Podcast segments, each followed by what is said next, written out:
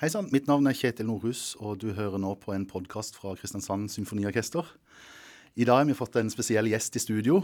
En gjest som nettopp har blitt presentert for orkesteret som altså orkesterets nye første gjestedirigent. Tabita Berglund, velkommen til Kristiansand, velkommen til Kilden og velkommen til KSO. Tusen takk.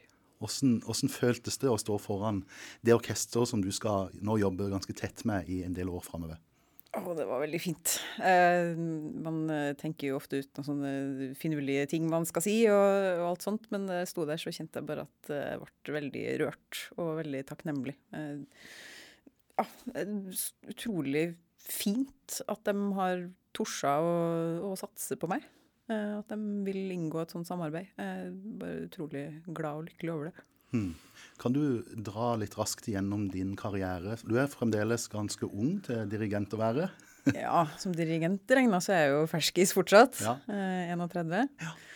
Um, så min karriere begynte jo som cellist. Uh, og kjørte hele løpet ut og tok en mastergrad der og var frilans i egentlig alle de norske symfoniorkestrene i flere år. Og så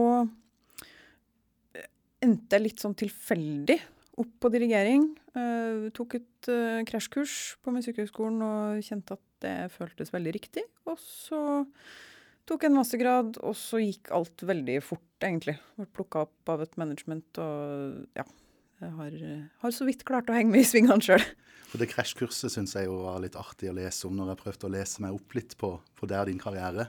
For det høres som du sa som egentlig en litt sånn tilfeldighet, men det må vel ha vært en interesse som lå i bunnen for at du i det hele tatt meldte deg på et sånt krasjkurs? Den uh, nakne sannheten er nei. Faktisk. Det var ikke sånn for meg at jeg satt i orkesteret og så på dirigenten og tenkte at uh, det der kan jeg jo gjøre sjøl. Uh, egentlig, den tanken slo meg ikke. Jeg hadde heller ikke noe ønske om å stå der. men det var en sånn følelse av at som cellist at det var noe som mangla, at jeg kanskje ikke fikk brukt hele meg, eller et eller annet. Um, så det, det ble dirigering, men det kunne ha blitt matematikk, det kunne ha blitt juss. Det var egentlig helt tilfeldig at det var akkurat det krasjkurset jeg meldte meg på. Um, men så kjente jeg jo med en gang på opptaksprøven til det kurset at her er det noe. Her er det noe som klikker. Um, er det mulig å sette ord på hva det var som klikka, eller er det vanskelig å forklare? Det er vanskelig å forklare, men jeg tror uh, Jeg snakka med flere som har hatt en sånn opplevelse av at plutselig så detter brikkene på plass. Plutselig så er du på riktig hylle. Plutselig så skjønner du at her har jeg egenskaper, evner, som matcher på et eller annet vis. Men det er bare en sånn utrolig følelse av at ah, der datt alt på plass. Mm. Det høres ganske deilig ut. Ja, det er det. og så har ting gått fort, egentlig, i svingene. Det virker iallfall sånn. Det har gått veldig fort. Ja. Og, og, og nå er du altså først gjestedirigent i Kristiansand Symfoniorkester, og har spilt med, eller dirigert orkesteret rundt forbi i halve verden allerede, er du ikke det? Ja, det føles i hvert fall sånn, ja. ja. Hva, hva, er på en måte forskjellen nå, når du skal være med ett orkester ganske mye i en periode. Det er vel fram til til og med 23-24-sesongen du skal være med Kristiansand Symfoniorkester. Hva er det du kan utrette med et orkester når du er flere ganger sammen med dem, i stedet for bare å øve inn til én konsert, f.eks.? Den store forskjellen er jo at du veit, når du har jobba i uke, at vi ses igjen. Og det betyr at det gir mening å jobbe mellom hver gang med hva vi skal bli bedre på sammen.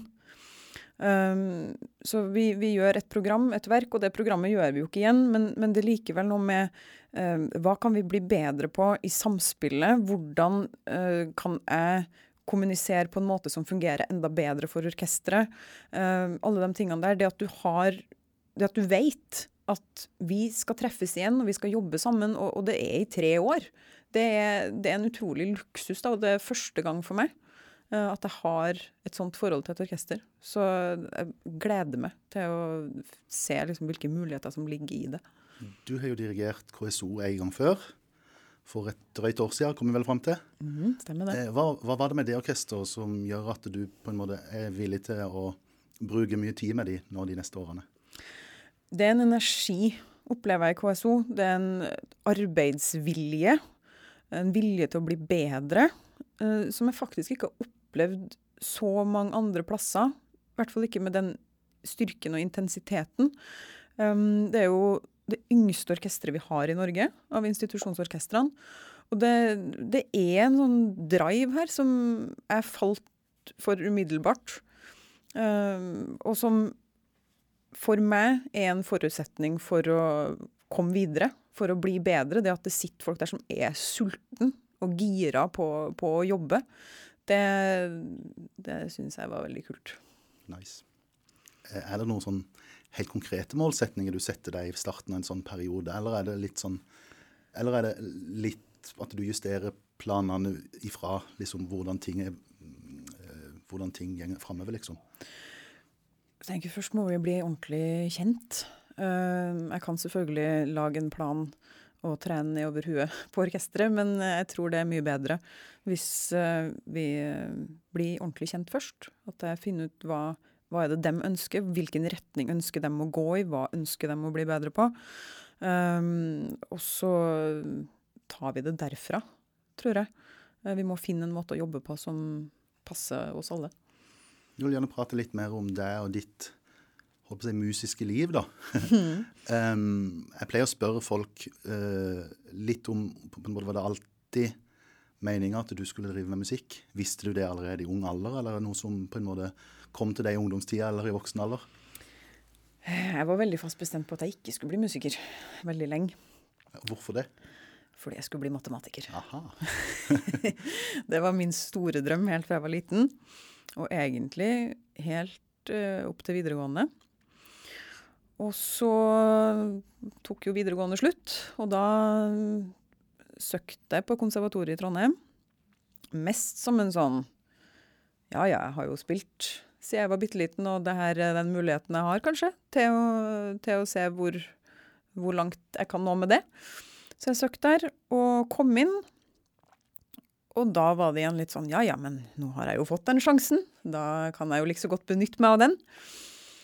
Og så gjorde jeg det.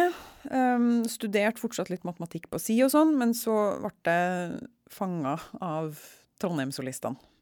Som på en måte ble min store ungdomskjærlighet, for å si det sånn. Um, den måten å, å, å leve i og med musikken på, og det fellesskapet og driven som var der, ble jeg helt betatt av. Og da var det fort ingen vei tilbake. Og det er jeg veldig glad for i dag. Og du ser for deg et eh, yrkesliv og et liv sånn generelt, på si, på lang sikt nå med musikk som hovedgeskjeften? Ja, ja, ja. Det, det, valget, det valget er tatt. Så det blir ikke noen matematiker for deg nå, altså? Nei, Nei. det gjør det ikke. Um, når jeg leste meg opp litt på deg, så kom jeg jo over litt eh, flere folk med ditt etternavn. Berglund. Berglund. Blant annet en finsk dirigent som var en av de største i hans generasjon, som heter Pavo. Er det noen familie der, eller?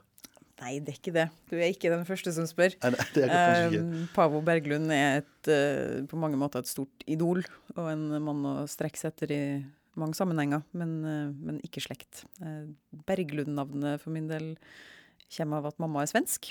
Det er et ganske vanlig navn i Sverige. Så, Jeg fant òg Maria Berglund, klassisk eh, sanger. ja, som jeg aldri hadde hørt om, så jeg må lese meg litt opp. Jeg. Ja, tydeligvis. Ja. Um, nå har du vært i Kristiansand for, for andre gang. Altså Som sagt så dirigerte du KSO i fjor. Og du bor jo til daglig på, i, på Røros. Eh, hvordan er det for deg å komme til Kristiansand nå, nå, nå som det, det er vår i lufta alt? Nå er jo egentlig et veldig godt eksempel på den kontrasten. Eh, På Røros er det skiføre. Det er påskesol, riktignok, men fortsatt eh, kaldt. Og så kommer jeg ned hit, og her er det jo, for meg da, relativt sett, sommerstemning allerede. Så det er jo et privilegium, egentlig, eh, å ha den kontrasten. Og nå vet jeg jo, i tre år nå så kommer jeg jo til å ha, ha det sola, den Kristiansand-sola, i livet mitt. Og det er jo en ekstra bonus. Tittelen som først gjestedirigent, Eh, for de som kanskje ikke vet helt hva det innebærer, men har hørt det tusen ganger. Hva er det egentlig det er for noe? Helt konkret så betyr det at jeg skal være i KSO tre uker hver sesong i tre år. Det var enkelt og greit. Enkelt og greit. Ja. Um, jeg tror Jeg, kom over en, en, et sånt sitat av det når jeg leste et intervju med det. Det er et par år gammelt intervju, tror jeg, i NRK. Eh, der du sa noe som fikk meg til å, å tenke litt. Eh, og der sa du at din aller største drøm eh, var å hjelpe musikken til å forandre verden. Det var svulstig og flott, syns jeg. hva, hva, hva, hva, ligger bak det, egentlig? Det er jo veldig store ord. Um, kanskje oftest hørt i festtaler og store anledninger. Men jeg, jeg mener det. Um, altså Jeg kan jo bare snakke ut fra min egen erfaring, men, men jeg vet jo sjøl hva musikk har gjort med meg. Hvilken effekt musikk kan ha. Um, og jeg tror fullt og fast på at hvis musikk formidles riktig, hvis musikk formidles godt, så har den en mulighet til å berøre mennesker som ingen annen kunstform, og egentlig ingen annen kommunikasjonsform som mennesker har, har mulighet til. Um, så for meg er musikk, ja, det, det, er underholdning, det er fint, det er vakkert, det er alle de tingene der. Men, men, først og fremst for meg så er musikk et utrolig kraftig verktøy, egentlig. Med det så, så tenker jeg at KSO-publikummet har masse fine opplevelser å vente på de neste tre årene.